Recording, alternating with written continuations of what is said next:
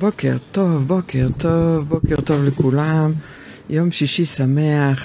אתם כאן איתי בתוכנית החיים זה לא פיקניק, אבל לפעמים כן, כי כמו שכולם כבר יודעים, החיים לא תמיד פיקניק, אבל האחריות שלנו היא לנהל אותם טוב יותר, שיהיה לנו נעים בה. בכל דבר שאנחנו עושים, גם אם לא תמיד קל ולא תמיד פשוט. יש לי הכבוד היום לארח פה אישה שאני מאוד אוהבת, חברה יקרה, קולגה, אה, מורת דרך שלי בעולם הדיגיטל. אה, דיאנה, דיאנה גולובוב, נכון? אני לא טועה בשם, דיאנה גולובוב, זה, זה, זה, זה כמו שלי, תמיד מעוותים לי אותו, אז אני מנסה להיזהר לא לעשות את זה. אה, בוקר טוב, דיאנה. בוקר טוב, איזה כיף להיות פה. כן, והיום, דיאנה, זה לא סתם יום, בדרך כלל אני לא מרשה לעצמי לחגוג לפני, אבל אתמול האחיין המקסים שלי, שהוא דתי, שאל אותי, אה, ממש ביקש ממני את, בתעודת זהות לראות מה התאריך לידה העברי שלי, ובהתחשב בעובדה שבעברי כבר עברתי, אז אני מרשה לעצמי אה, לפתוח בחגיגות יום הולדת, סופה של הולדת. ואני חוגגת ביחד איתך. איזה כיף. ממש, תדעי לך, תוכנית חגיגית הבוקר, אני מאוד מתרגשת, ולכל מי שלא ראה, אנחנו, יש לנו פה, אה, אנחנו מתחילות הבוקר עם כוסית יין לבן, אז... אה, עם הבוקר ככה מתחיל לך. זה, זה כל הסופש, זה, בטוח יהיה הרבה מזה בכל הסופש, אז הנה, לחיים, לחיים אהובה, לא רואים אותנו שעשינו את ההשקה, אבל שמעו את זה. אז לחיים, ושיהיה לנו יום הולדת שמח ורק דברים טובים. תודה רבה. איזה כיף. והיום אנחנו הולכים לחגוג בכלל את הדבר הזה שנקרא עסק קטן, one man show או one woman show, אנחנו היום בעולם שמדברים בשתי המינים, ושתינו התחלנו כעסק של אישה אחת. ומקום מאתגר, אבל לפני שנדבר על, על עסק של איש או אישה אחת ועל הקשיים שלו והאתגרים שהוא עומד בפניו, אה, אני רוצה גם לשמוע עלייך ועל הסיפור האישי שלך, ואת יודעת ככה, אנחנו פה בתוכנית, אני הרבה פעמים אה, מנסה להביא את זה, כי את יודעת, נורא סקסי ונורא קל אה, אה, למכור סיפורים שהם אה, מנקודה אחת לנקודה אחרת, ו... אה, זוהר וקל, אבל מה שאני מנסה להביא פה זה את הסיפור בין הנקודות. אז אני רוצה לשמוע ממך את הסיפור שלך בין הנקודות, ויש לך סיפור. דיאנה היפה שלי, תגידי לי, תספרי לי קצת, מי זו דיאנה? אה, וואו, איזה שאלה זאת, מי זו דיאנה? שאלה ארוכה. נכון. שאלה מאוד מאוד ארוכה, מאיפה אני אתחיל? אה, אז בוא נתחיל ככה מה... מהשירות הצבאי, ככה, כי שם אפשר להגיד, זה היה קטע מעניין. יאללה. מעכשיו? מעכשיו. כן, נתחיל מהסוף ונלך רגע אחורה. אז אני יועצת לשיווק דיגיטלי. עובדת בפרטי וגם עם מעוף של משרד הכלכלה. העיקר העבודה שלי זה עם העסקים הקטנים. הרבה פעמים מאוד מאוד קטנים, שזה ה-one man show, ולרוב זה one woman show. שיוצא שרוב הלקוחות שלי הם נשים עצמאיות שמנהלות את העסק שלהן לבד ואני עוזרת להם ומלווה אותם ואיתן נהיה אחד יד ביד להצליח ולגדול ולהביא לקוחות ולהביא בסוף כסף לעסק. וגילוי נאות, ככה הכרתי את דיאנה. אני שכרתי את שירותיה של דיאנה דרך המעוף ו... דיאנה, כבר, זה כבר נוסטלגיה, זה כבר uh, שנים אחורה, uh, ליוותה אותי ולימדה אותי את הדבר הזה שנקרא שיווק דיגיטלי ואיך מייצרים קמפיינים ואני חושבת שהדבר הכי יפה ואותי הרשים זה שאת לא לוקחת אלייך ואומרת אוקיי אני מעכשיו זה, אלא להפך, את נותנת חכות ואת מלמדת את uh, מי שאת מלווה איך להיות עצמאי בתוך הדיגיטל ואיך להסתדר גם מחר בבוקר בלעדייך ולייצר קמפיינים ולעשות קמפיינים ולדעת לנתח את הקמפיינים ובעצם את מלמדת את הדבר הזה שנקרא שיווק דיגיטלי. נכון, כי אני באמת מאמינה שעסק קטן, של תקציב מאוד מאוד קטן, לא יכול להרשות לעצמו לשלם לאנשי מקצוע ולשלם אחר כך גם לפייסבוק וגם לגוגל, כי אין להם את התקציב הזה. אנחנו לא מדברים פה על חברות עם מחזורים גדולים, הרבה פעמים זה עסקים שבתחילת הדרך, ואני חושבת שהם צריכים ללמוד לעשות את הדברים לבד. וגם אם הם החליטו בהמשך לקחת מישהו שיעשה בשבילם, הם יודעים ל- ל- איך בדיוק. וזה אה, זה מה שאמרת עכשיו, הוא כל כך כל כך חשוב. אתה... אנשים לפעמים אה, חושבים שהם יכולים להיות ראש קטן ולהגיד אני לא צריך לדעת משהו מסוים ואני מעביר את זה לרואה חשבון אז אני לא צריך להבין במספרים, אני מעביר לדיגיטל אז אני לא צריך להבין בדיגיטל. אז זה לא אומר שאתם צריכים להיות מומחים, לא בכספים ולא מומחים בדיגיטל, יש אנשי מקצוע שידעו לעשות, אבל אתם חייבים להבין קצת כדי לדעת לעקוב, לדעת לשאול את השאלות, להבין בכלל את המטריה, כי אחרת אתם מנוהלים ולא מנהלים את הסיטואציות, וזה דבר מאוד דרמטי. אבל זה הסוף. זה. עכשיו, עכשיו זה לך. הסוף, זה... זה, זה נקודת זמן עכשיו, זה צודקת, סליחה. סליחה, סליחה, סליחה, ממש לא. סליחה, אנחנו, נקודת הזמן. אנחנו תכף נדבר על העתיד גם, אנחנו נראה איפה את רוצה להיות בהמשך, כי יש לך אה, חלומות מקסימים ש... שתכף נדבר גם עליהם, אבל אני רוצה רגע ללכת אחורה בנקודת הזמן, ולקחת אה, את הצבא כנקודת אה, עוגן ראשונה, אז ספרי לנו קצת על השירות הצבאי שלך. הצבאי שלי עשיתי, אה, התקבלתי לקורס תכנות בממר"ם, זה נקרא ממר"ם, אה, בסמ"ח, האמת זה בסמ"ח, אבל כולם מכירים את זה כממר"ם. יחידת אה, מחשוב אה, מאוד מאוד אה, עילית ואיכותית, בערך כמו 8200 רק של חיל התקשוב. אה, עשיתי קורס תכנות של חצי שנה על חשבון הצבא, והתגייסתי להיות מתכנתת, שזה היה הגשמת החלומות של... בערך כל אחד, כמובן של ההורים שלי. זה מה שחשבת שתהיי? זאת אומרת, זה מה שרצית בתיכון? זה מה שחלמת להיות מתכנתת? לא חלמתי להיות מתכנתת, אהבתי לרקוד. אני רציתי להיות רקדנית, אבל לא, כבת לעולים מהגרים שעלו בשנות ה-90 מברית המועצות, איזה יותר גרוע מבת רקדנית, זה כאילו אסון שלא יתואר. כאילו, זה, זה נהדר שאת רוקדת, אבל מזה לא מתפרנסים. ברור שלא, ממה מתפרנסים? מתכנות. ברור. אז אה, כמובן כילדה טובה ומרצה, אה, לא, כל כך- אף פעם לא אהבתי את זה, אבל אה, זה מה שצריך, וזה מה שטוב, וזה מה שהלכתי ללמוד. אז אה, למדתי בקורס תכנות, ועברתי אחרי זה ליחידת אה, מחשוב.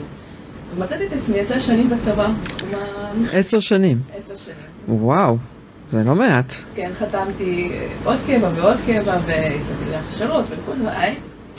אני לא יכולה להגיד שאני, לא נשארת, לא נשארת עשר שנים במקום שרע לך, לא היה לי רע, היה לי טוב. היה לי, היה לי טוב, המקום טוב, אנשים איכותיים, עשייה משמעותית, אני לא אגיד שלא. להגיד שאני אה, יכולה לשבת כל היום מול מחשב ולתכנת? פחות. פחות. אני לא יכולה לשבת... ואז מה קורה? עדיף שאני אתחיל פה קצת לקפצץ. אין שום בעיה, כבר היו פה כל מיני דברים בחדר הזה, כי כבר מישהי רקדה, כבר היה פה כל מיני. אוקיי, אולי נגיע גם לזה. תשמעי, היום אנחנו בכוסות, אז. בדיוק כוס הראשונה, זה בדיוק ההגדרה. רק חימום, בלי ארוחת בוקר, בלי קפה, בלי כלום. אני רוצה להגיד לך שאני חושבת שבחיים עוד לא התחלתי את היום עם כוסית יין. כאילו, לפני שאכלתי משהו, לפני ששתיתי קפה, התחלנו עם יין. אז אולי אה, אולי עלינו פה על משהו. אולי זה סטארט-אפ. זה זה דבר. רק שאני לא אאמץ את כל השידורים לכוסית יין בבוקר. תשמעי, לקום, להגיע לפה בשמונה בבוקר ביום שלישי, צוע. את בשמונה בבוקר, אני כבר בשבע הייתי פה. אבל את מנוסה. להכין את כל המערכות האלה, זה נראה נורא תמים עכשיו שאת באה וזה עובד והכל אה, מעולה, אבל אה, אני באה בבוקר מוקדם ומחברת את הכל ומסדרת את הכל ומעלה את כל התוכנות אה, כדי שהמרואיין יגיע ועליי ויהיה כמו שצריך. אז, אה, אז כן, אני קמה בחמש ביום שישי לטובת כל הדבר הזה. אז, אבל אה, קחי אותי רגע חזרה לשם, בואי נחזור רגע לצבא. את עשר שנים עושה את מה שאת עושה, ואז את מחליטה לעשות שינוי. אה, אני לא ממש מחליטה, האמת היא שזה די אילוצי המערכת, הייתי, לא הייתי קצינה, הייתי נגדת, ובשלב מסוים לא היו תקנים לדרגה הבאה, ואני מבינה שאני משתחררת מהצבא. אני לא יכולה להגיד שאני אפילו בעצמי השתחררתי, זה לא הייתה באמת החלטה, זה היה... וזה זה, זה כאילו, כש... את יודעת, יש אה, אה, תורה שלמה על אה, החלטה פסיבית והחלטה אקטיבית. כביכול נכפתה עלייך ההחלטה, זה לא היה תלוי בך. הודיעו לך שאין תקן ואת צריכה לעזוב. בתוכך, מה הרגשת? הרגשת שמחה או הרגשת איזשהו... בשלב ההוא כבר הרגשתי שמחה, כן. הייתי, רציתי כבר להשתחרר, כבר לא הרגשתי שאני מממש את עצמי, לא הרגשתי שטוב לי. לא מצאתי את עצמי כבר, זה אחרי חופשת לידה שנייה, עשיתי שתי בנות בצבא, שזה גם הספק... שזה ההספק. הספק מדהים, מדהים מדהים. אז הייתי כבר אימא לשתי בנות, וזה היה אחרי חופשת הלידה השנייה שלי. וכשחזרתי כולם התחלפו, וכבר זה לא היה כמו שהיה לפני. והרגשתי שאני לא, לא טוב לי פה, לא, לא מצאתי לי תפקיד שאני, שמעניין אותי, לא התחברתי לאנשים שהיו שם. אז זו הייתה הקלה, שבאיזשהו מקום החליטו בשבילי, ולא אני הייתי צריכה לקבל את ההחלטה. ויש לפרופסור יסור, יש תורה שלמה, ויש לי תוכנית שלמה על הדבר הזה שנקרא תהליך קבלת החלטות. וככה, אם אני אצמצת את זה למשפט, אז מה שפרופסור יסור אומר, הוא אומר, אם אתה לא יודע לקבל החלטה ואתה מתלבט, תנסה לחשוב עליה בצורה פסיבית. כביכול מפילים עליך את ההחלטה. האם אתה תרגיש שמחה או עצב? וכשאת אומרת אה, שהרגשת שמחה, אז כנראה שזה, אם היית צריכה לקבל החלטה, אז כנראה שפרופסור יסור היה אומר לך, צאי לדרך, זה כנראה ההחלטה שאת צריכה לקחת, גם אם היא לא הייתה נכפית עלייך. עליי נכפתה, ככה יצא, והייתי אימא עם שתי בנות קטנות, אחת ממש קטנה. נשמע אחרי חופשת לידה, זה ממש גור. חופשת לידה, הייתי חצי שנה בבית, ואז חזרתי לעוד כמה חודשים. הייתי, כן, הייתי אחרי חופשת לידה, והמסלול הבטוח של כל מתכנת שסיים ביחידת מחשוב זה ללכת להייטק. זה. זה הדבר הכי טבעי ומתבקש. כן, אבל בשביל זה אתה עושה את כל המסלול הזה, את הקורס הזה ואת השירות הצבאי הזה, בשביל בסוף להגיע להייטק. לקבל משכורות מאוד מאוד גבוהות, ואת כל הבנפיס של לעבוד בהייטק וללכת לשם. אבל לא רציתי את זה. כי מה? למה לא רצית? קשה לי היום להגיד למה בדיוק לא רציתי, מה בדיוק מנע. אני חושבת ששילוב של כמה נסיבות. אחת זה שאני אימא לשתי ילדות קטנות, והייטק זה... הוא מאוד תובעני. הוא מאוד מאוד תובעני. ובאיזשהו מקום גם אולי חוסר ביטחון, אולי לא מספיק טובה, אולי אני לא אצליח, זה גם, אני חושבת איפה שהוא היה שם. שאנחנו נדבר על זה הרבה בהמשך, כי אני חושבת שמה שאמרת עכשיו הוא חוט שני שעובר אצל כל כך כל כך הרבה אנשים, וההרצאה שלי, חוכמת הסנדוויצ'ים הצוחקים, מתעסקת בעיקר בסוגיה הזאת. אבל אנחנו נדבר על זה בהמשך עוד, עוד רבות, על הדבר הזה. כן, זה נושא מאוד מאוד משמעותי. משמעותי לגמרי. ובאיזשהו מקום גם לא ממש אהבתי את זה אף פעם. לא באמת הייתה התשוקה שלי. זה לא באמת, כי ראיתי אנשים שזו התשוקה שלהם, הייתי איתם, שירתתי איתם. הם היו באים בבוקר עם עיניים נוצצות ואומרים, יצא גרסה חדשה עם פיצ'ים חדשים של אורקל 10G. וואו, והעיניים מתלהבים, ואני מסתכלת עליהם, טוב, מה אוכלים בצהריים? כזה. באמת, אוקיי, יצא פיצ'ר חדש לאורקל, לא יצא פיצ'ר חדש לאורקל, בסדר, עובר לידי. וכשהייתי לידם, כשראיתי את הניצוץ הזה בעיניים שלהם ואת ההתלהבות שלהם, ולי אין את זה, אין את זה, אין את זה, אין את זה, וניסיתי. כמה שרציתי למצוא את הניצוץ הזה, כמה שחיפשתי אותו, כי, כי מי מוותר על מקום כזה? את יודעת מה זה? DBA בהייטק זה כאילו משוגע. זה משוגע. האמת שאין לי מושג מה אמרת עכשיו, אני אענן בראשי כאילו זה תפקיד... תפקיד משוגע. תפקיד חלומות. תפקיד משוגע, ברמה של תנאים והכל. ואין לי את זה, ואין לי את זה. ואני מבינה שזה כנראה לא שלי, אבל אני אקדים את זה ממש, כבר בחופשת הלידה הראשונה, חשבתי שאני רוצה עסק, אני רוצה לעשות משהו משלי, היה לי משעמם בחופשת לידה, הייתי חצי שמונה חודשים בבית, וביחד עם בעלי אנחנו מצאנו באותה תקופה, זה היה, אני באמת איתך לפני 11 שנה, לא היה כל כך פופולרי להזמין מאלי אקספרס, ואי-ביי, ושיין, שהיום כולם על אוטומט באפליקציה. עברנו לדירה שלנו הראשונה, והיה לנו חסר משהו שקשה את הקיר, איזושהי תמונה. והתחלנו לחפש בחו"ל. ומצאנו ציורי שמן של אמנים מסין, שאז היה מאוד פופולרי, אולי את זוכרת, שהיה כזה ציורים בחלקים. כן, כן, כן, בטח, היה אופנה כזאת של שלושה חלקים. שלושה חלקים, ארבעה. נכון, היה כזה, הרבה פעמים עם מבט יענה ועם כל מיני חיות, שזה היה משלים אותם, ופרחים. היה אבסטרקטי כזה עם הנגיעות של אדום. נכון, נכון, הרבה אדום, אני זוכרת. זה היה טרנד שלי. בורדו כזה. כמו כל דבר, גם בבתים יש טרנדים. אז קישוטי הקיר, אני קוראת לזה לא אומנות, כי זה סוג של קישוט קיר. היו מאוד מאוד טרנדיים. והבאנו אחד, ואמרנו, וואלה, יש פה פוטנציאל, זה אשכרה ציור, זה לא זה, זה ציור. והוא מיוחד, ואין כאלה בארץ. ואמרנו, אולי נתחיל למכור את זה, נהיה סוג של מתווכים. והתחלנו, התחלנו את זה, בנינו אתר, והתחלנו... טוב, לפחות לבנות את האתר הזה היה לכם קל, את זה ידעת לעשות. נכון. אז בנינו אתר, והתחלנו, לא ידענו איך, פייסבוק, לא ידענו מה עושים בפייסבוק, פשוט התחלנו לתאם את החברים שלנו בפייסבוק, שזה היה משמעות. היום אני עובדת איזה דבר נורא לעשות. כי בחיים, אני היום אני בחיים לא אגיד למישהו לעשות זה. אני אגיד- יותר מזה, אני אגיד יותר מזה. אני אה, מרשה לעצמי להגיד את זה היום פה ככה מעל גלי האתר. אני חושבת שזה על גבול החוצפה היום לתייג בלי רשות מישהו על, ה- על הוול שלו. אני חושבת שזה, אה, כאילו אם מישהו רוצה לשתף אחד את השני, זה הדבר הכי יפה ומקסים ונהדר.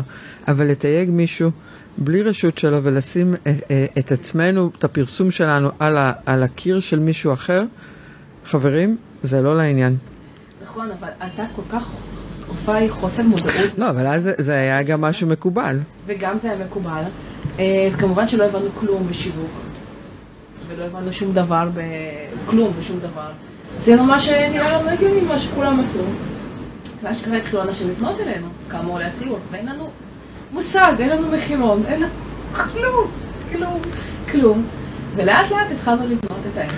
כמו רוב העסקים בעצם הקטנים שמתחילים, שהם לא יודעים לא לתמחר ולא לשווק ולא לזה, פשוט עלו על איזשהו רעיון ואמרו, אוקיי, מתחילים, ופשוט יוצאים לדרך. ופשוט התחלנו לקבל פניות, כמה זה עולה, וכמה זמן אספקה. ואז מה עונים? איך, איך, איך מחליטים כמה זה עולה? מנסים לתמחר את זה באיזו צורה שנראית לנו הגיונית, או כמה עולות של אה, המוצר עצמו, כמה עולות של לוח, תוסיפו לזה את העמלות שלנו, מיסים כמובן. ומנסים להמציא, להעלות איזשהו מחיר, מה שנקרא לשלוף מה... כי במיוחד באמנות אין הרי אה, מחיר שוק, זה, זה, זה היופי באמנות, שהיא היא- זה יחסית היא לא ברת השוואה. אני לא יכולה כל כך לקרוא לזה אומנות, כי זה היה סוג של, אני קוראת לזה פישוטי קיר. זה לא ממש היה אומן או חתימה. זה היה מפעל בסין, שיש שם ציירים סינים, שמציירים אה, דברים טרנדיים. אה, שהיום באלי אקספרס ובאיבי יש טונות של, כאלה. אז זה לא בדיוק, אני לא יכולה לקרוא לזה אפילו אומנות. זה נקרא, העסק שלנו נקרא Art for you, אבל בפועל אני לא ממש יכולה לקרוא לזה. אה, והתחלנו לרוץ עם זה, וזה מאוד העליב אותנו, וזה מאוד ריגש אותנו. ו- וכשהשתחררתי מהצבא, היה לי את העסק הזה, שמכר בממוצע בחודש עשרה ציורים. שזה לא מעט. לא מעט. אמרתי, אוקיי, אם הוא, אני לא עושה כלום, כמעט די פסיבית, העסק עובד מעצמו, אז אם אני אשקיע בו, אז אולי אני אצליח למכור 20 ו-30 ציורים בחודש. והצלחת? לא. כי מה? מה היה שם שזה לא הצליח? קודם כל, אני השתחררתי מהצבא, בשוק, כי אתה נמצא בארגון, יש לך את הדרגה, ויש לך את המדים, ויש לך את הסיכה הזאת שסיימת את הקורסים, את הסיכות האלה, והשתתפת במבצע הצבאי הזה. אתה, אתה משהו, אתה מישהו. ופתאום את צריכה לה- להפעיל את אני? עצמך. מי אני בלי כל זה? מי אני ומה אני? ומיד באות, באותה תקופה, בעיני אה, עצמך. מבולבלת. ו... ואז אני אה, לא יודעת כל כך איך לשווק, אז אומרים לי, יש נטוורקינג, כל מיני קבוצות שאפשר לבוא ולשווק. אה, ואמרתי, טוב, אני אלך לשם. אני לא יודעת, אני לא יודעת איך לשווק, אני לא באמת ידעתי איך לשווק באותו זמן. ומי זה האנשים האלה שאומרים לך ללכת לנטוורקינג?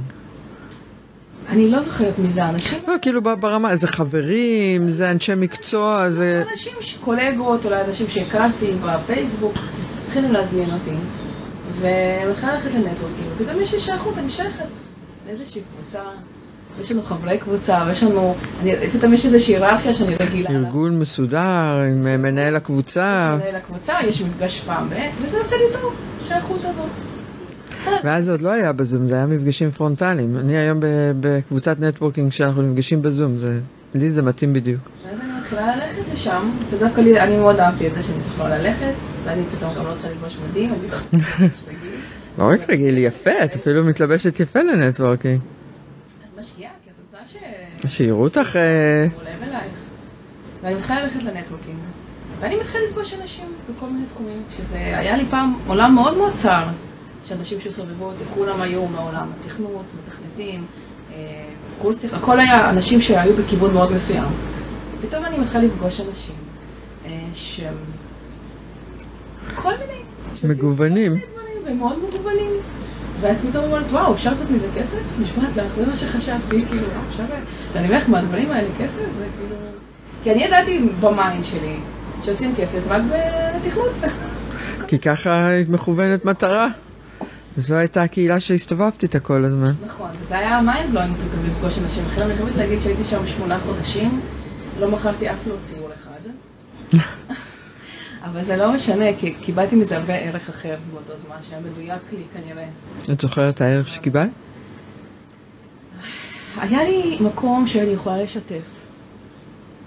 והיה לי הרגשה של שייכות, והיה לי איזושהי קבוצה שעטפה אותי.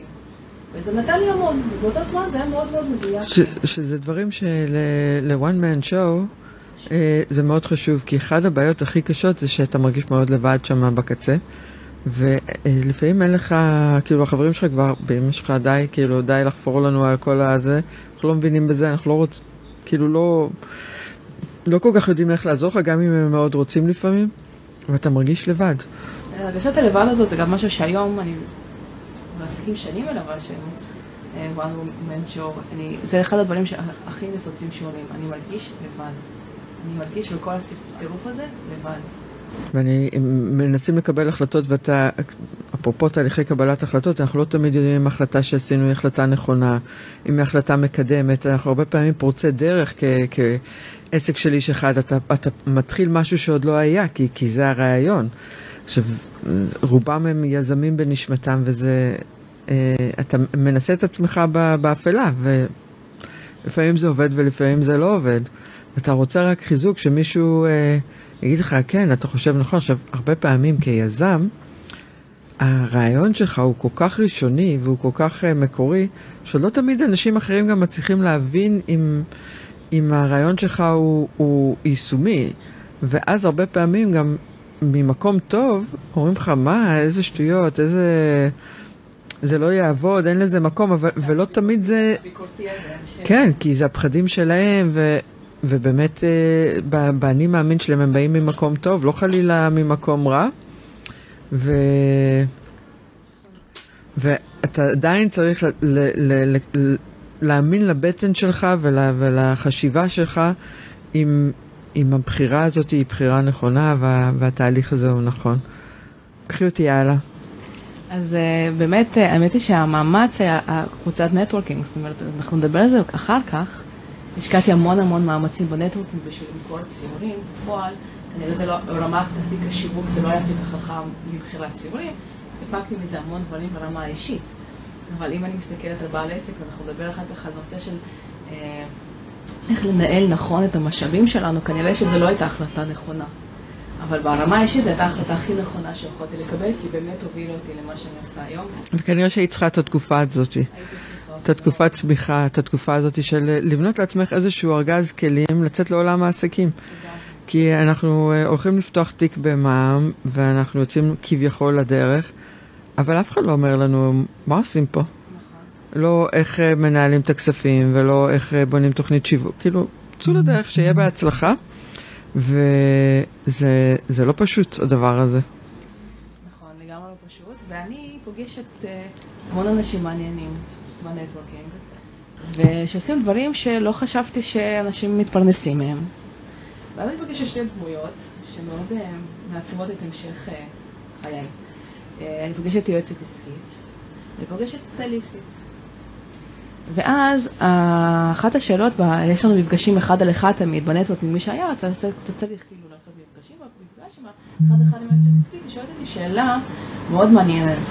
אומרת לי, אני אתן לך עכשיו שתי אפשרויות. אפשרות אחת, אם את לוקחת את ההכנסות שיש לך מהציורים ומכפילה אותן. אופציה אחת. אופציה שנייה, שההכנסות של ציורים נשארות כפי שהן, את עושה עוד משהו שמכניס לך אותו דבר. מה את בוחרת? ואוטומטית אמרתי לה את האופציה השנייה. זאת אני רוצה לעשות עוד משהו. הציורים, המכירה שלהם, הם לא באמת, לא מממשת את עצמי שם. זה נחמד וזה הכנסה, אבל אין שם את המעבר שמאוד מאוד חיפשתי. ואז אני מבינה שאני רוצה לעשות עוד משהו, זה לא, זה לא ממלא אותי מספיק. ואחרי עשר שנים במדים, אני פוגשת פתאום סטייליסטית. והיא הייתה מאוד מרשימה, והייתה מפגשה תמיד מאוד מאוד יפה. ואני אומרת, וואו, נשבעת לך, זה מה שאמרתי, אפשר להסתובב כל היום בקניון ולקבל לזה עוד כסף? חלום. זה נראה לי כמו חלום. עושים כסף ולהסתובב בקניון, רק לי אל תתני את החלום הזה.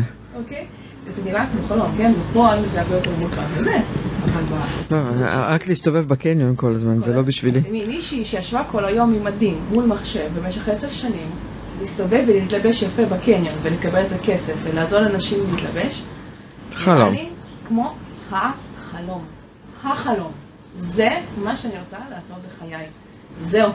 הבנתי. זאת השליחות שלי, זה הייעוד שלי. אני רוצה להיות סטייליסטית, ואני מגיעה לכל, אני מעדכנת את המשפחה שלי, ומעדכנת את בעלי בחלומי החדש, וכולם עוד שנייה מתעלפים, וילדה מתכנתת של ממר"ם וזה, מתחילה פתאום לאבד את זה. מה נשמע? מה הולך? אבל אני בחלומי. ומה שאני עושה, זה שבוע, אני מוצ...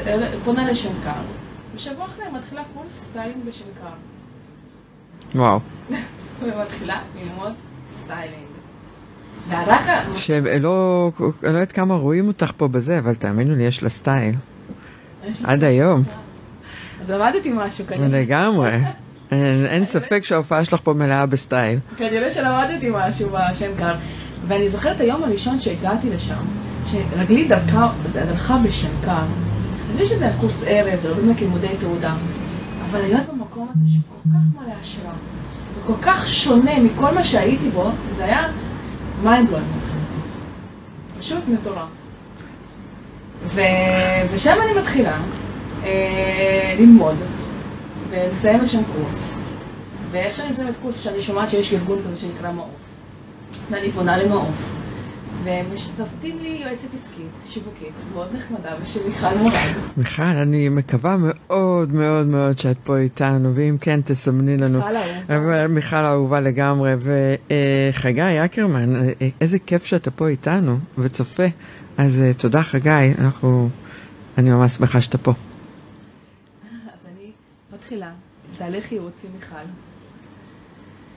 ומיכל מדהימה. מיכל היא, היא, היא אחת היועצות העסקיות uh, בעיניי המובילות, יש בה יושרה, ידע, מקצועיות, צניעות, אין דברים כאלה. אין דברים כאלה. אז uh, uh, אני ממליצה, לגמרי. זה אומנם קולגה וזה היום, אבל אני חושבת שמיכל היא אחת היועצות העסקיות היותר טובות שיש. נכון. ומיכל מתחילה ללוות אותי. ואת צעדיי הראשונים בעולם הזה של בעלת עסק, שהוא אני. פתאום אני לא מוכרת משהו, אני מוכרת את עצמי, שזה אישו בפני עצמו. להציב את עצמי פתאום בפרונט, את העסק. אני העסק. ול, ולפני uh, עשור זה גם פחות היה מקובל. כאילו היום אני מדברת על זה בכל הזדמנות, אתם העסק, אתם חייבים להיות בפרונט, תעלו על הבמה. לפני עשר שנים עסקים הסתתרו מאחורי uh, לוגו יפה ונראות, ושם uh, היה מיתוג יותר, יותר ב, בעולמות, הבעל העסק הוא מאחורי הקלעים, ואת את פתאום צריכה להיות העסק, אז מה עושים? Um, הרבה בלבול, המון. Um, זה לא פשוט. זה, זה נראה כאילו, זה נראה שזה קל ככה להציב ולהצטלם, זה לא פשוט לי בכלל, בכלל בכלל. כי מה? כי זה פתאום להציב את עצמך כמו שאת, או לא כמו שאת, תחת פילטרים, תחת מסכות, ושגם פה יש מורכבות מאוד גדולה. לא באמת כמו שאת, ולעשות כמה שיותר אותנטי, אבל כמה אותנטי אתה יכול להיות, כי אתה רוצה גם מאוד מאוד אה, להיות פיין ולראות אה, מאוד מאוד טוב. שזה שוב פעם העניין של ערך עצמי. אפרופו ערך עצמי, גם פה אני בטוחה שהמקום הזה תופס איזשהו מקום. כי אנחנו חושבים שכמו שאנחנו, כמו היהלום היפה הזה שיש בתוכנו, הוא לא מספיק. הוא לא מספיק. אז אני צריך לשים עוד משהו כדי ש... שיראו אותי יותר, או כדי שיתפסו אותי כמשהו, לגמרי. כי אני לא מספיק. נכון, נכון. עם זאת זה מאוד מרגש אותי, ומלהיב אותי, ו... ואני מצליחה בזכות כתיבה מעניינת, בזכות פוסטים טובים שאני מעלה, אני מצליחה לבנות אה, שם, קהל, ומגיעה אפילו אה, בשלב מסוים אה, לפרויקט של אה, ביוניק, שזה חברת נעליים, בחרו אה, חמש בלוגריות מובילות, שיעצרו נעל, קולקציה. וואו. ואני נבחרת לפרויקט הזה, כי היה לי הרבה מעורבות בפייסבוק ובכל מיני קהילות, הייתי מוצאת להם אה, כל מיני שילובים וטלים בחו"ל וממליצה. זאת אומרת, אה, אה, מראש היית מאוד פעילה ברשת. מאוד פעילה. כשאת עדיין לא מבינה שזה מה שאת הולכת לעשות כשתהיי גדולה. את באותו זמן... אני מבינה שכן, זה מה שאני רוצה. לא, את רוצה להיות סטייליסטית. כן. ופועלת בתוך הרשת, אבל את עוד לא מבינה שהרשת תהפוך להיות עוד מקצוע שלך. בדיוק, ממש לא חשבתי שזה הכיוון, מבחינתי החלום זה להיות סטייליסטית, אני חיה את החלום, אני מגשימה אותו, אני מגיעה להישגים, אני משתתפת בפרויקטים מעניינים, ואחרי שנה וחצי אני מתחילה להרגיש ריקנות נורא נורא גדולה. פתאום העשייה עצמה, לא מדברת על השיווק של העסק, שם מאוד אהבתי. העשייה היא פתאום מכבידה עליי, פתאום זה לא... אני לא מרגישה שאני... זה לא, זה לא נוצץ כמו שזה היה לא נשמע. נוצץ כמו שזה נשמע, ובשלב מסוים זה חוזר על עצמו, והמהות, אני חלילה לא מזלזלת בסטייליסטיות, ו... זה, זה, זה עניין של תשוקה, זה כמו שאני, את יודעת, מאוד מעריכה שפים ו... ו... אבל אני לא, זה לא התשוקה שלי, זה לא יעזור כלום, אני יכולה להיות במטבח עוד עשרים שנה, זה, זה לא ישנה את זה. אני לא אוהבת לבשל וזה לא התשוקה שלי. אז זה אותו דבר, ולעומת זאת אני רואה אחרים שבמטבח והם, וואו, את יודעת, הם, הם רואים איזה מתכון ורואים איזה תוכנית, הם נמסים. אני לא שם. עכשיו, איך אני יכולה עכשיו, אחרי שהכרזתי בריש גלי, לכולם, שהנה, מצאתי את התשוקה שלי. את תשוקתי להיות סטייליסטית, פתאום אני מבינה שזה כבר לא ממש זה, זה כבר... אני די מרגישה שאני חוזרת, כאילו חוזרת על עצמי, וכמה אפשר להתעסק בעוד חולצה ועוד מכנס ועוד שקט, זה כבר לא מרגש אותי, זה לא מעניין אותי, העיסוק עצמו. אבל מה אני עושה עכשיו? הרי כבר הודעתי לכולם, איך אני מודה עכשיו שזה לא זה? אז, אני... אז מה עושים? איך, איך עושים את זה? באמת איך עוצרים את, ה, את הגלגל הזה? כי הרבה אנשים אין להם את האומץ לעצור את הגלגל הזה בנקודה הזאת.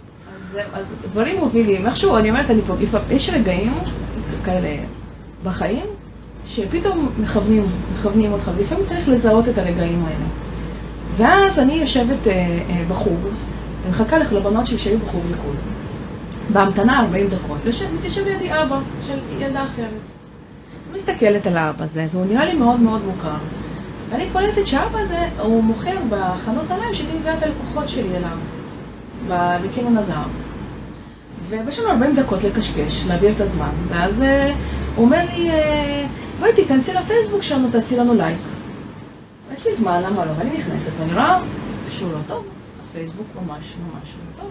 עכשיו, יש לי זמן פנוי, אז אני צריכה להגיד לו, תקשיב, אתה צריך לעשות אה, אה, סרטונים שכאלה, ואתה צריך לכתוב ככה, ואתה צריך להעלות תמונות שכאלה, ואתה צריך לעשות את זה ואת זה ואת זה, ומתחילה לתת לו פשוט טיפים, מפציצה אותו בטיפים ממה? מניסיון שלי. גם מהציורים שהיה לי עסק, וגם מהסטיילינג שהייתי עושה הכל לבד. צברתי קצת ידע וצברתי ניסיון, והתחלתי פשוט לשפוך לו את כל המידע הזה. והייתי מסתכל עליי, ואומר לי, את יכולה לעשות את זה בשבילי? וואו. נשבעת לך, הדס, יכול להיות שבאותו רגע, אם הייתה כזאת נורה כזאת שנדלקת מעל ראשי, אז כזה bang, פתאום אני כזה, אה, כן, תיאורטית, יכולה. ולוקחת את המשימה? ואז שוב, מה קורה? כמה את לוקחת? וכמובן, שוב פעם, אין לי שמץ של מושג כמה לוקחים, וכמה, איך מתנהלים, ואיך בונים אה, חוזה, ואיך, לא, אין לי מושג בכלום, אבל קודם כל אמרתי כן. קודם כל אמרתי כן. דיאנה, הכוסות שלנו מתחילות להיות ריקות, אני חושבת שצריך למלא אותן, אני בעד כוסית שנייה. אז אה, את יודעת, בהתחשב בעובדה שיש לי גם שורשים, רגע, כן, מלו מעל המערכת. הדס, אני חושבת שאנחנו צריכות להמציא לך אה, שם במה. שם במה? כן. מה? תגיד, נכון שיש את מדונה? זה רק מדונה. אוקיי, הד- הדס חדש דרגצקי אגמון, זה לא שם במה. אוקיי, צריכים להמציא לך אה, חשבון עם איזה שם. אוקיי, תחשוב על זה. אוקיי. ניתן לך איזה... שאלה טכנית, אני רוצה לשאול שאלה טכנית, אה, מקצועית. האם אפשר לשנות את השם שנכנסת איתו לפייסבוק? מתקילה אותי עכשיו. הפייסבוק משתלט כל כך הרבה זמן, ברמה עקרונית כן, כמובן שאפשר. קחי בחשבון אנשים שמתחתנים ומשנים שמות משפחה, אז הם משנים את השם שלהם בפייסבוק, בעמוד האישי. בעסקי כמובן שכן.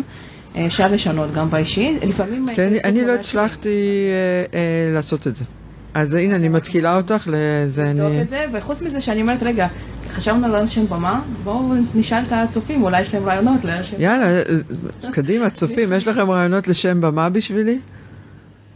דיאנה רוצה שאני... זה נמצא מותג, זה נמצא כמו מדונה, ליידי גאגה, נכון? קדימה. אז לטובת הצופים, מאזינים שלנו, תנו לנו רעיונות. אה, אה, דיאנה תלמד אותי טכנית איך אני משנה את ההדס חדש דרגצקי אגמון למשהו, אה, שם במה. אז. יאללה. אז הצעות, בבקשה, תכתבו לנו פה בצ'אט רעיונות לשם במה. רגע, מי ש... מה, יש פסים פה גם ברדיו הזה? על השובר לקפה בתחנת דלק כזה? מחלקים פה דברים כאלה? את יודעת מה? אני מרימה את הכפפה למתנה. אני נותנת פגישת ייעוץ איתי מתנה. ומי שעולה על שם... אה, על שם אה, זה, פגישת ייעוץ אחד על אחד, שעה איתי מתנה. מתנה הרבה יותר שווה מקפה בתחנת דלק. היא אה, מתנה שעולה היום הרבה יותר. הרבה יותר, ושווה הרבה יותר. ושווה הרבה יותר, ו- והאמת היא שעזבי את כמה שהיא שווה. הערך שאני מקווה שאני נותנת למי שנפגש איתי בהחלט. בפגישה כזאת, אה, הוא יכול לפעמים אה, לעשות את ההבדל. בדיוק, אה, וזה מחזיר אותנו לנקודה שפגשת אבא בבלט, שנותן לך אה, הזדמנות, את נותנת לו עצות, ככה על, על השיווק ברשת, כי את כבר לטובת עסקייך השתמשת הרבה ברשת, בתקופה שהרשת עוד לא הייתה כל כך ידועה, ובטח לא הפרסום והשיווק ברשת. ו, אה, והוא מתלהב מהרעיונות שלך, הרעיונות היצירתיים שלך, והוא מציע לך עבודה. והוא מציע לי אה, לעשות את זה בשבילו, לשווק את החנות נעליים שלו, אה, ואני אה, נופל לי פתאום ככה רק כזאת, שוואו. וואו, אני ממש זוכרת את הרגע הזה שאני יושבת שם, והוא מציע לי את זה, כאילו זה היה סוג של... אה, מה הרגשת? הרגשת שהוא רואה אותך? שהוא רואה את המעבר, את היכולות היצירתיות שלך? אני חושבת שבאותו רגע הרגשתי שאולי, אני, באותו, שתביני איפה הייתי בשלב הזה, אני בשלב הזה מאוד אה, אה, בבלבול עם עצמי, כי אני כבר לא כל כך אוהבת את מה שאני עושה, אני לא אוהבת את הסטיילינג, זה, הרגישה, הרגשתי שמיציתי את זה. עם זאת, אני לא, אז מה אני אעשה? מה, אני אחזור עכשיו לתכנת? הרי וגם, וגם איך עומדים מול כל הסביבה ואומרים את זה? זה- גם, עוד לא הגעתי לחשוב על הסביבה, קודם כל עם עצמי, איך אני, איך, מה אני עושה? אבל הוא, מצ... הוא שואל אותי, ואני אומרת לו, כן. ואז הוא אומר לי, אוקיי, כמה זה עולה? תתני לי הצעת מחיר. ואין לי מושג. אין לי מושג. אין לי מושג כמה לוקחים בתחום, אין לי מושג כמה זה עולה, אין לי גם מושג באמת כמה השקעה זה. כי את עובדת לעצמך, אז את כל הזמן עובדת בלשווק את עצמך. זה כזה על הדרך, זה כל הזמן שם. מה זה אומר לשווק מישהו אחר? לקדם אותו? אין לי שמץ של מושג. ו... מה את עונה לו? אני אשלח לך הצעת מחיר מסודרת במייל. והוא יודע שבשלב הזה הוא הלקוח הראשון שלך, או שאת מ- משדרת לו, תשמע, אני כבר... אה, אני חושבת שהוא הבין, כי הוא ראה אותי מסתובבת בקניון עם לקוחות. זאת אומרת, הוא הבין שאני לא עוסקת בתחום, אה, אבל הוא ראה שאני עובדת. הוא ראה שאני, אני, הוא ראה שאני מביאה לעצמי לקוחות, אז כנראה שאני עושה משהו, משהו טוב. כי אני כל אוקיי. הזמן הייתי מגיעה אליו עם אנשים חדשים, וכל הזמן קונה אצלו, אז כנראה שהוא שם לב לזה שאני אני אשכרה עובדת. יכול להיות שזה מה שהרשים אותו, לא דווקא הניסיון שלי בתחום, אלא זה שאני... מצליחה לעשות את זה לעצמך. ואני מתחילה לפנות ולקבל הצעות מחיר, כדי להבין איך מתמחרים. ואז אני מורידה את המחיר בחצי. הנה, בבקשה. פעם שנייה, אנחנו, וזה כבר פעם שלישית או רביעית לדעתי שאנחנו מדברים על ערך עצמי. כשאנחנו לא מעריכים את עצמנו, אנחנו רק רוצים שירצו אותנו. באותו זמן... וכשרק אנחנו רוצים שירצו אותנו, אז אנחנו לא ראויים למחיר ש... שהוא מחיר שוק. אז אם אני לא ראויה למחיר שוק, אז אני אוריד אה, הרבה פחות. אבל את חייבת להבין שבאותו זמן באמת יש לי אפס ניסיון בניהול סושיאל למישהו אחר, ומבחינתי הניסיון הזה, בשביל עצמי, זה היה לי מדויק. לקחת את מה שלקחתי, ואני מתחילה לעבוד איתו, ואני מבינה שהרבה יותר נעים וכיף לי לשווק אחרים מאשר את עצמי. אפילו מצליח לי הרבה יותר טוב. אה, ואני מתחילה ללוות אותו. ומשם אני מתחילה לקבל עוד פניות ועוד לקוחות ועוד מישהו שראה. פתאום זה קורה באופן טבעי, זה, זה כאילו פשוט זורם. זה פשוט התחיל לזרום. ובאותו זמן זה עוד דמות ככה מעניינת שככה, אני מסתכלת על המסלול הזה, על דמויות. באותו זמן אני נמצאת בקורס אה, של אורלי שי, אורלי שי אה, הייתה מעבירה קורסים לפרזנטציה וסטיילינג אישי, והיא מדברת איתי ואומרת לי, אם אני יכולה לעזור לה לשווק את הקורסים שלה. הקורס שאני הגעתי אליה, היא שואלת אותי אם אני יכולה לעזור לה לקדם את הקורסים שלה. ואני מתחילה לעזור לה. והיא מתחילה למלא את הקורסים. מתחילה למלא עוד מחזור ועוד מחזור ועוד מחזור. ו... ואז היא אומרת לי, והיה לי פה לקוחות, שם לקוחות, ואמרתי, תראי, יש לי חברה מאוד מאוד טובה, שצריכה מישהו שיעשה לה, לכתוב לה תוכן. והחברה הזאת קוראים לה נעמה קסרי. ונעמה קסרי באותו זמן הייתה פליטת בוגרת ריאליטי, נקרא לזה. אוקיי. מקום ראשון בהישרדות, היא זכתה בעונה אני, אני מתנצלת על הבורות, אני מודה, אני לא רואה ריאליטי, ולא רואה בכלל כמעט טלוויזיה, אז, אז אני מתנצלת שאני לא בקיאה ב... היא מישהי מאוד מאוד מוכרת, עם, היא מוכרת.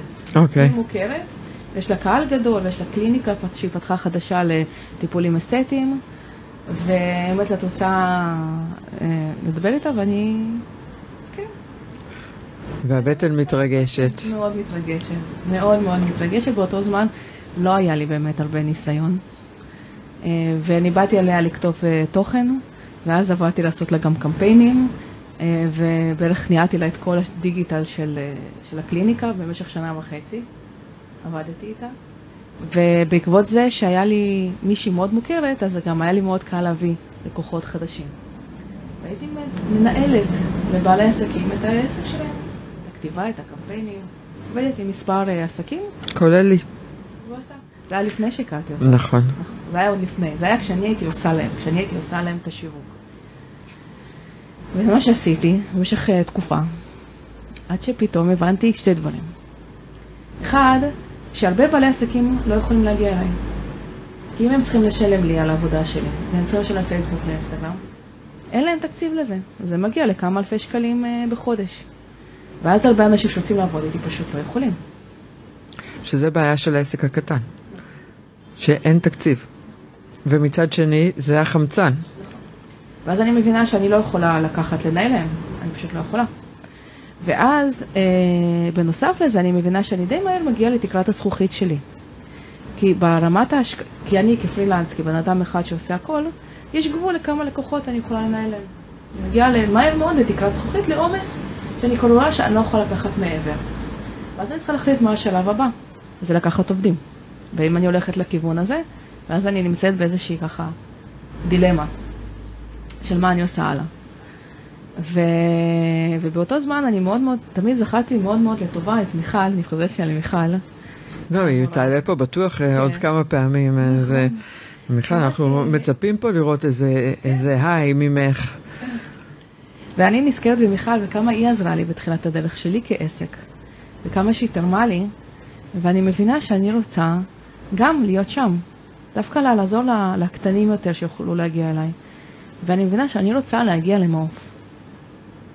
אני רוצה להגיע למעוף. זאת אומרת, רוצה להיות יועצת מן המניין במעוף. אני רוצה להיות יועצת, מכמה סיבות. אני יכולה לעבוד גם בפרטי, אבל אני יודעת שאם אני אגיע למעוף, ליותר אנשים תהיה אפשרות להגיע אליי. את רואה את זה שליחות, את ממש רואה בזה איזושהי שליחות. אני רואה בזה שליחות, אני רואה בזה אה, סוג של להחזיר בחזרה למה שאני קיבלתי. אה, ואני מבינה שאני מאוד מאוד רוצה להגיע למעוף. זה נכנס לי לראש, איכשהו זה היה לי מאוד מאוד ברור, אני צריכה להגיע למעוף. ואני מתחילה תהליך ביוקרטי לא פשוט, שאני אכנס לשם. ואני זוכרת היום שאני מתקבלת, אישור שהתקבלת להיות יועצת במעוף. אני חושבת שזה היה אחד הרגעים המאושרים. משהו שם היה מאוד מאוד מדויק לי באותו רגע. הבנתי שאני כבר לא יכולה לנהל לאחרים את, ה, את העסק שלהם, זה גבה ממני המון. כי אני גם בן אדם שמאוד טוטאלי, אז הייתי מאוד מאוד נקשרת, מאוד מאוד נקשרת לעסק. זאת אומרת, זה היה, יכול, אם היה קמפיין והייתי יכולה לישון בלילה מהלחץ, שכאילו, אני כאילו... לראות את התוצאות ו... ברמה מטורפת. וכשאני מתקבלת למעוף, אה, אני מתחילה לעבוד עם עסקים, עסקים קטנים. וזה מה שאני עושה בעצם, עד היום. ואת עושה את זה נהדר. ואני אוהבת את זה כל כך. אז בואי ניכנס רגע למה את כן עושה היום.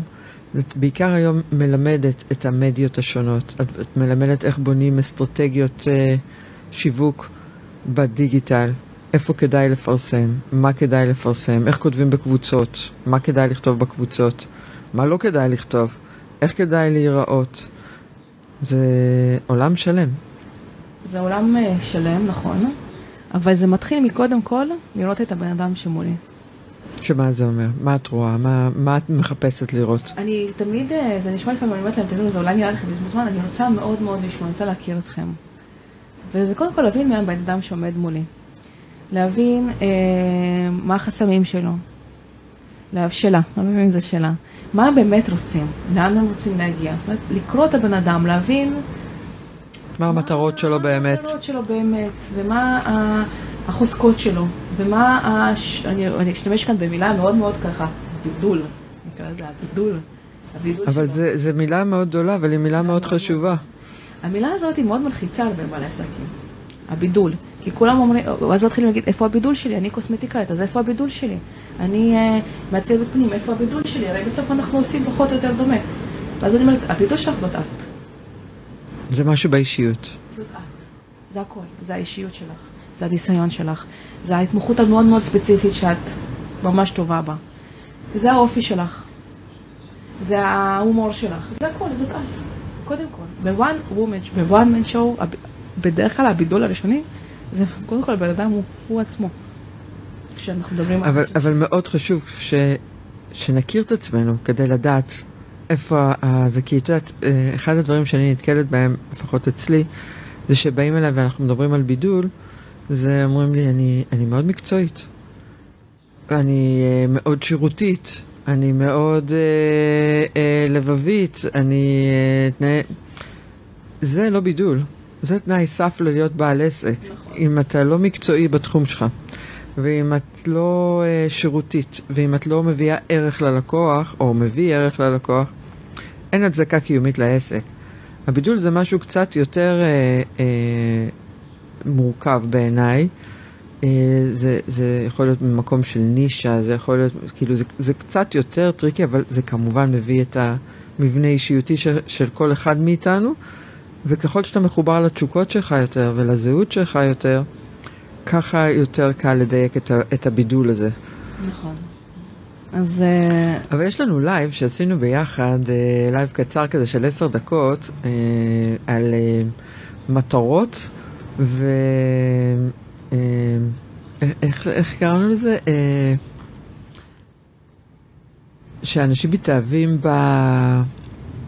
בפרס... ב... ב...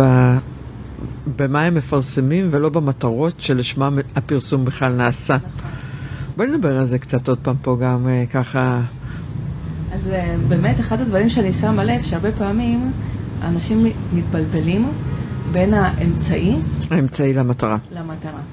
ואני אסביר את עצמי. לפעמים באים אליי אה, בעלי עסקים ואומרים לי, אני רוצה אה, עשרת אלפים עוקבים באינסטגרם. ואז אני שואלת אותם למה.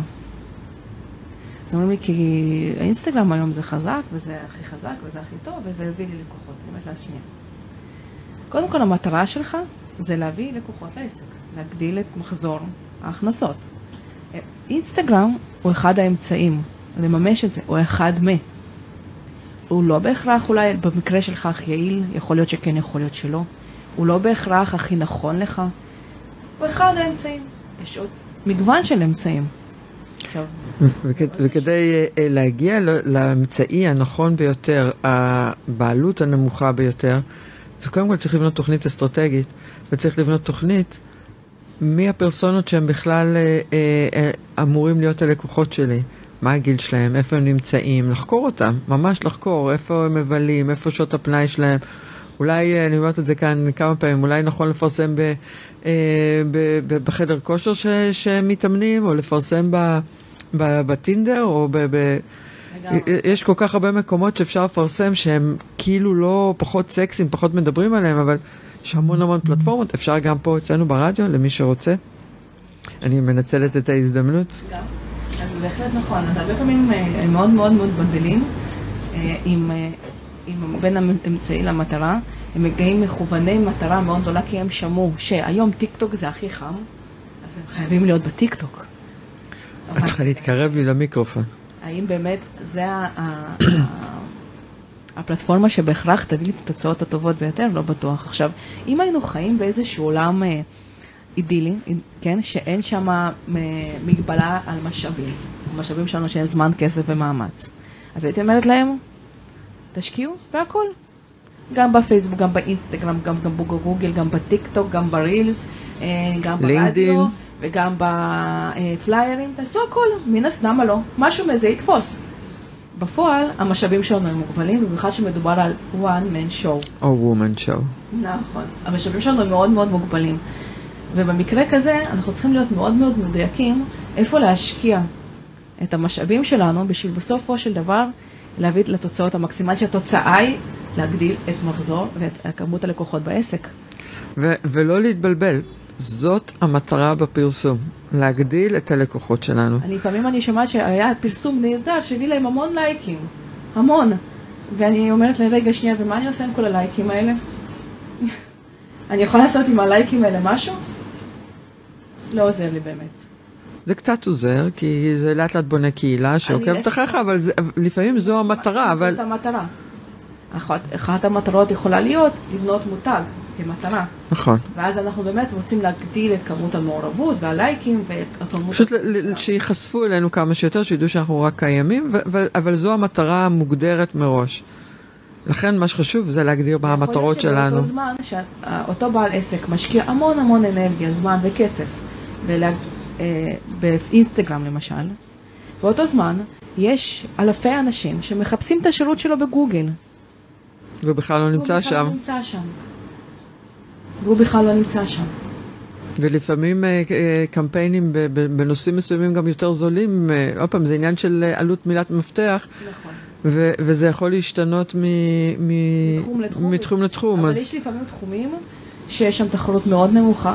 למשל, אה, לא- לעשות, אני ככה אשתמש קצת בבאזוורדס, אני לא רוצה להיכנס להיות טכנית מדי, אבל בוא נגיד ככה, אפשר אה, להשיג אה, מחירים מאוד זולים על ביטויים, ואנשים מחפשים, בזמן שאנשים מחפשים בגוגל, ואתה לא נמצא שם, כי אתה באותו רגע משקיע המון המון המון זמן, משאבים, מאמץ וכסף בפלטפורמה אחרת, שבסוף אולי תביא את התוצאות, ואולי מטפטפים שם תוצאות, אבל יכול להיות שאם תשקיע את הזמן והמאמץ הזה במקום אחר, אתה יכול להגיע לתוצאות הרבה יותר טובות.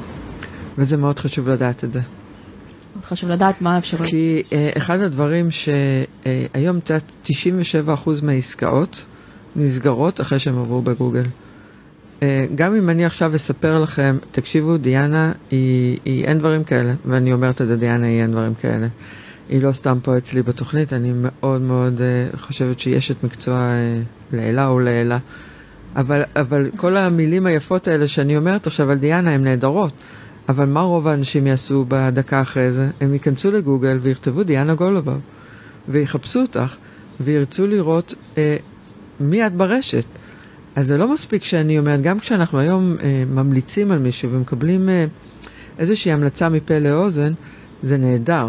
אבל הפעולה הבאה שאנשים יעשו, הם ירשמו את השם בגוגל. לכן זה משהו שאנחנו כל כך עסוקים באינסטגרם, פייסבוק, לינקדין, שאנחנו מתעלמים מהדבר הזה שנקרא גוגל, ואיך אנחנו באופן כללי נראים uh, כשכותבים את השם שלנו. עכשיו, הרבה אה, עסקים קטנים מאוד מפחדים מהגוגל, כי זה נראה להם מאוד מורכב, וזה נראה מאוד מסובך, וזה רק משהו שאיש מקצוע יכול לעשות לנו, וזה לא כזה מורכב, זה לא כזה מסובך. אה, ויש שם גם הרבה אלמנטים בחינמים. אה, יש שם אלמנטים חינמיים כמו Google My Business, שעסק פיזי חייב להיות שם, זאת אומרת כל עסק חייב להיות, שיש לו מקום פיזי, גם אם זה נותן שירות, אבל יש לו מקום, הוא חייב להיות ב Google My Business. ויש את הקמפיינים גם בגוגל, שזה בעצם מה שאני עושה, אה, הקמפיינים ה Google Ads, וגוגל בשביל לעודד עסקים לנסות לקדם, נותן 300 שקל מתנה. שאני אומרת, רגע, קיבלתם 300 שקל, תבדקו. תשימו את ה-300 שקל האלה שגוגל נותן במתנה, ותראו מה, מה יוצא לכם מה-300 שקל. שזה עשרה ימים קמפיין ב-30 שקל ליום. שזה לא... או לא... חמישה ימים ב-60, כן, אבל כן, אפשר לשחק עם אפשר זה. לשחק עם זה, אבל כאילו זה, זה, יש, יש מה לעשות ב-300 שקל, זה, זה נראה לאנשים, אה, רק 300 שקל זה בטח כלום, אבל לא, זה לא כלום. בוא נגיד את זה ככה, אם שמת 300 שקל וקיבלת אפס, כנראה שאם תשים 3,000 שקל גם תקבל אה, אפס. מאוד מאוד אה, צריך, אה, איזושהי תוצאה צריכה להיות. היא כבר צריכה להיות, כי אתה משלם על קליקים. כניסות כבר אמורות להיות לאתר, כי אחרת אז הקמפיין לא, לא יוציא את התקציב שלו. צריך להיות התוצאות האלה, ואז לחשב, יש מונח בשיווק, אה, שזה תמיד עולה, ואי אפשר להתעלם ממנו, שנקרא ROI, Return of Investment, החזר על ההשקעה. ואז לפעמים אנחנו כל כך כל כך עסוקים בהמון משאבים ואנרגיה, אני רואה את זה לפעמים, אני מדמה את זה לאוגר. אני רואה לפעמים עם בעלי עסקים, כמו אוגר כזה שרץ ב... בגלגל. והם אומרים, אני עושה, ואני עושה, אני משקיעה כל כך... והם באמת עושים. הם עושים המון, המון. ואת יודעת כמו מה אני רואה אותם לפעמים? כמו האוגר הזה, שרץ בגלגלת, הוא מתאמץ, הוא מאוד מתאמץ, הוא כבר פשוט שק, אבל הוא לא זז לשום מקום. הוא נמצא בעיגול הזה שם. ואיך עוצרים את הגלגל הזה מהמרוץ? קודם כל עושים עצירה ומתחילים לבדוק את כל האפשרויות שיש לנו. גם הדיגיטליות, גם האונליין וגם ה offline. ה offline יכול בעסקים מסוימים לעבוד נפלא. תתפלאי, פליירים בתחומים מסוימים, בעסקים ספציפיים. יכולה לתת דוגמה או שתיים? וואי, יש לי דוגמה מדהימה בפליירים.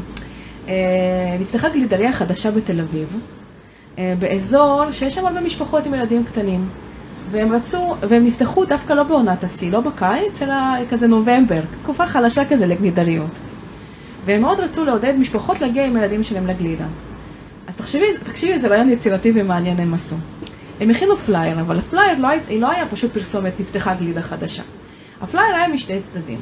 צד אחד הייתה עבודת יצירה של ציור גלידה כזה, אם את מכירה את החלקים האלה שכל אה, מספר הוא בצבע אחר. כן. אה, משימת ש... צביעה. כן, משימה ש... כן, כן, בטח הייתי עושה את זה הרבה. השני, בצד השני כתוב, ילד שיבוא עם היצירה המוכן לגלידה, מקבל כדור גלידה במתנה. מקסים. עכשיו תחשבי, אני כאימא לילדים, אם יש לי עכשיו אה, חצי שעה לשתות את הקפה שלי בזמן שהילד עושה את היצירת גלידה, וואלה, קנו אותי כבר. וכשאני אומרת לו בסוף, אם אתה תעשה את זה... קודם כל, הפלייר הזה לא לא נזרק לפח, הוא נשאר בבית. הוא לא נזרק לפח, הוא נשאר בבית, והוא הוא רוצה מאוד לסיים את המשימה, כי הוא יודע שבסוף יש לו גלידה. יש לו גלידה. רעיון מקסים. אז גם את ה offline אפשר לעשות יצירתי, אפשר לעשות בנאלי, אפשר לעשות מאוד מאוד יצירתי ולחשוב מחוץ לקופסה, ולהבין מי הקהל שלך, מה הוא צריך, ובאמת על הילד שצריך גלידה, אבל אם את צריכה חצי שעה עם קפה, לפעמים זה priceless ברמות. כאימא את לא יודעת כמה פעמים אני שומעת את המשפט הזה. אם אתה עסק שסיפקת לאימא חצי שעה לשתות קפה בשקט, מעייני, אני, אני לא יודעת אם את שומעת אותי עכשיו, אבל הנה, זה בשבילך. קפה בשקט, רבע שעה. ממני באהבה. גלידה. רק לא צריך לצייר. בבקשה. אז אה, אז זה למשל דוגמה ל- לפעילות שיווקית אופליין שהיא לא סטנדרטית, היא לחשוב מחוץ לקופסה והיא הצליחה בענק. מדהים. ציפור לחשה לי שגם לך יש הרצאה שלאט לאט אה, נרקמת ועוד מעט אה, תהיה בחשיפה מאוד גדולה. ספרי לי קצת.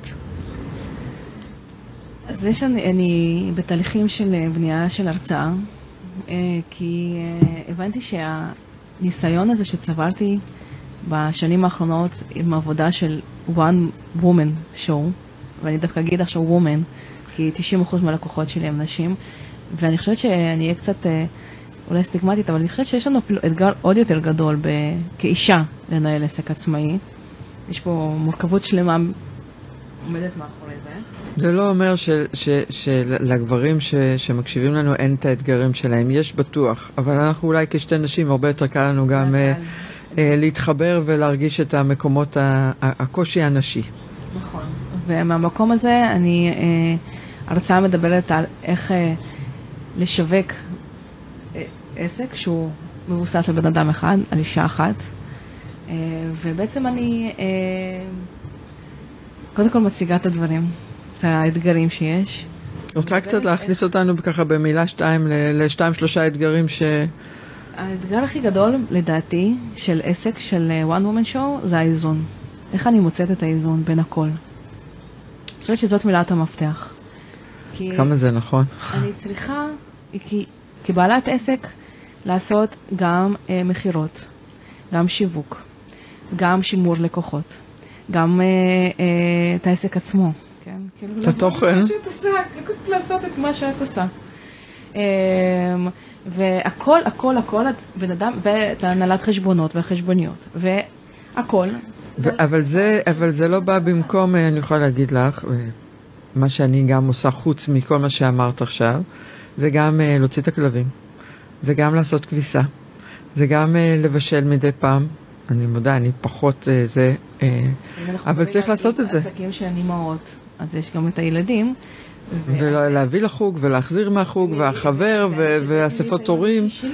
שכשאת בעסק בתחילת דרכך ואת עדיין לא כל כך מרוויחה, ויש לך בן זוג שמרוויח, אז הוא כרגע מכניס. זה שאת עסק בצמיחה זה נפלא ונהדר, אבל כרגע יש צד אחד שמרוויח וצד אחד שפחות, אז מן הסתם...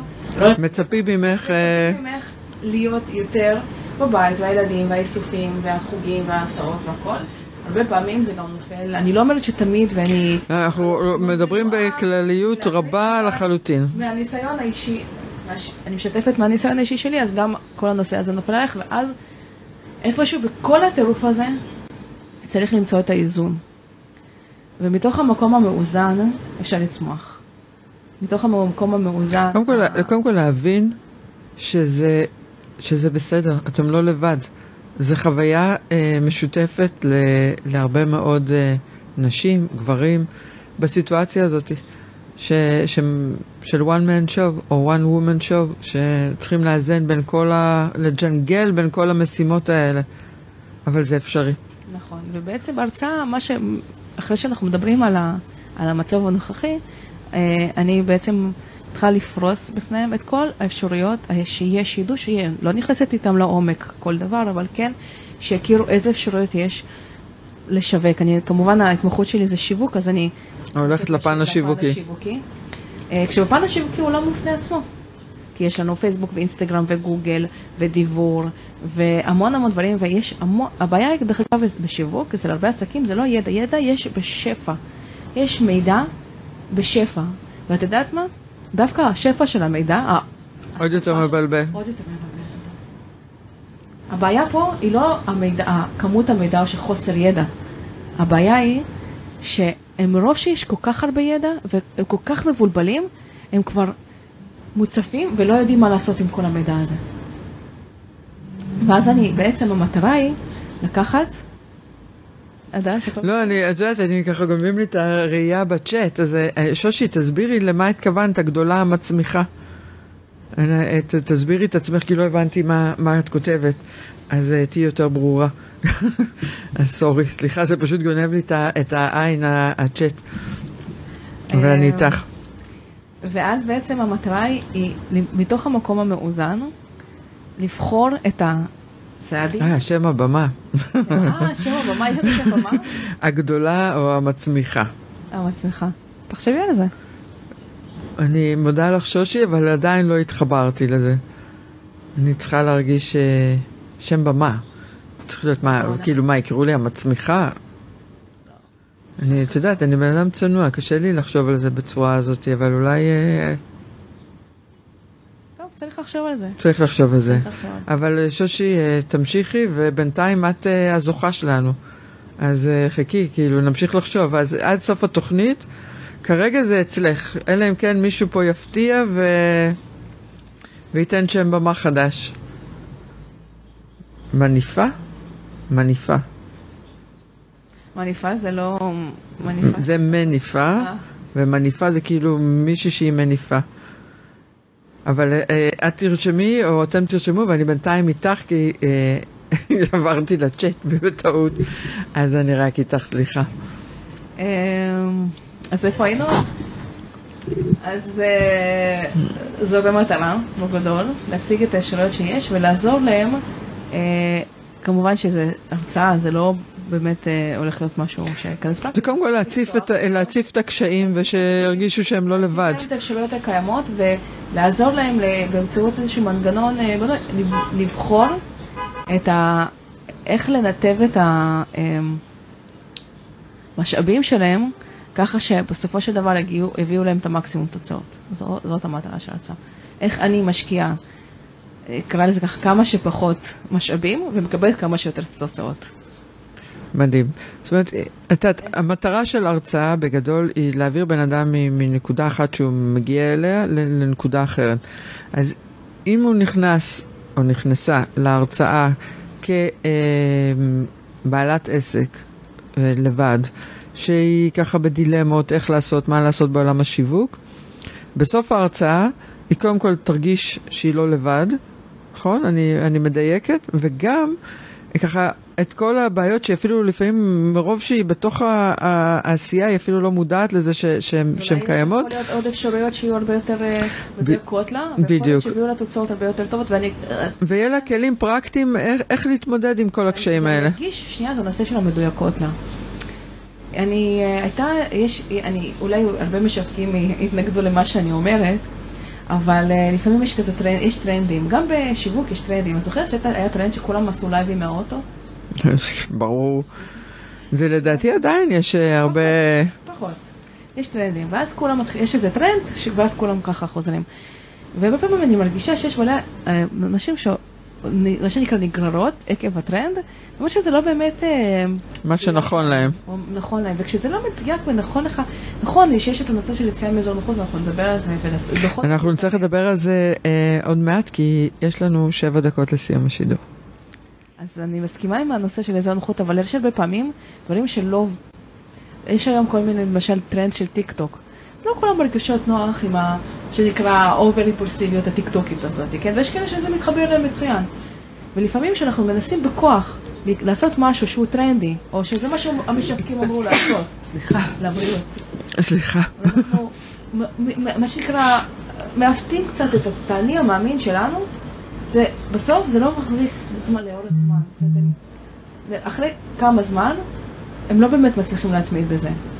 אז אני אומרת, כשאתה בוחר את הנתיב ואת האפיק, מעבר למה שיביא לך תוצאות, אלא גם מה שמרגיש לך שמה, שאתה, שאתה עושה את זה ואתה מרגיש שלם, שאתה מרגיש שזה מדויק לך, והרבה פעמים, ולא לעשות משהו כי היום זה מה שהכי עובד, או כי זה היום הכי חזק, או כי כולם עושים את זה. אני קוראת לזה אותנטיות. תהיו אותנטיים לעצמכם, לדברים שנכונים לכם. מאוד מאוד חזקה, שאני מאוד מאוד מתחברת אליה.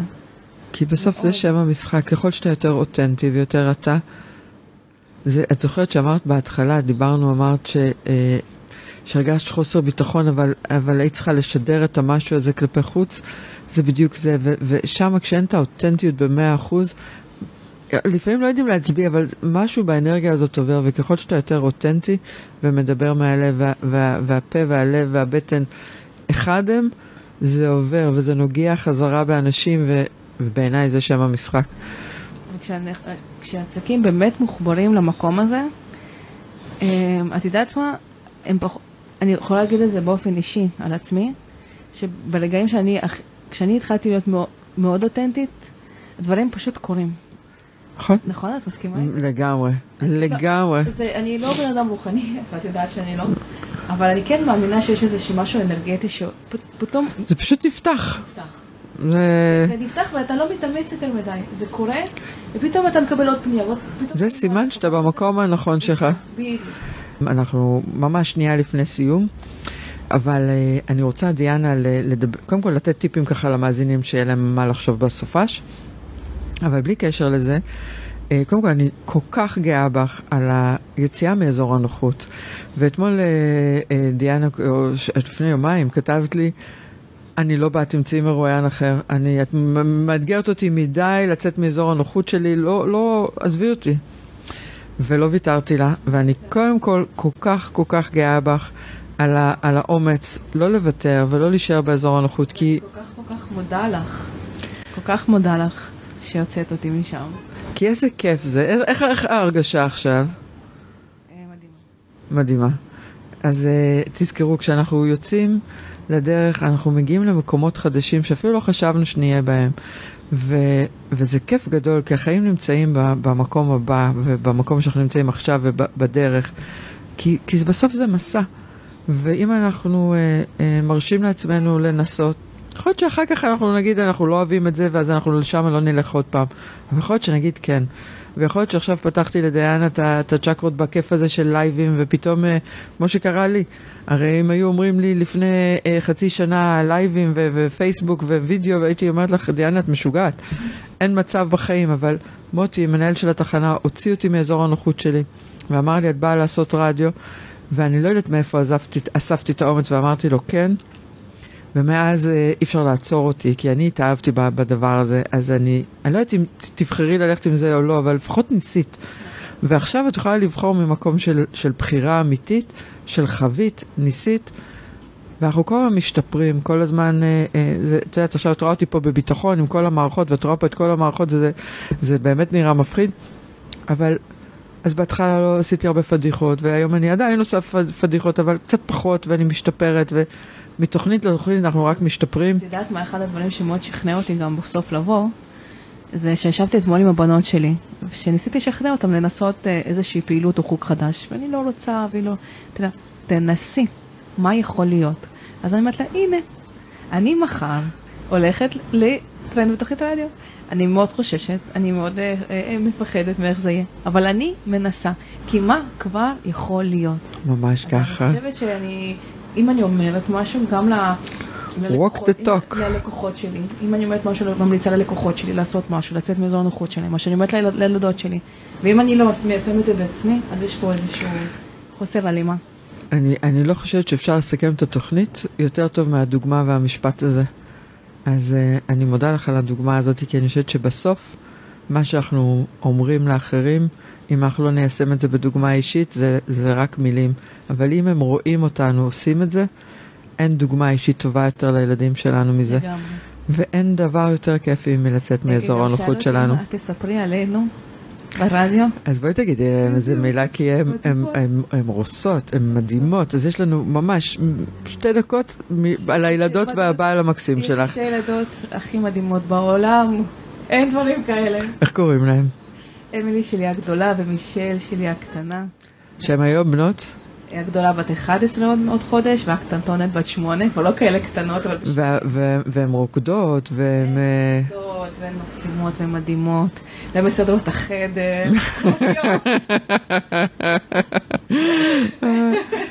ולבעלך, שאיך קוראים לו? בעלי קוראים יבגני, והוא חגג יום הולדת אתמול, ואנחנו 18 שנה עוד מעט ביחד. וואו. אני בחצי חיים, אני, אני בת 36, אני 18 שנה עם בעלי.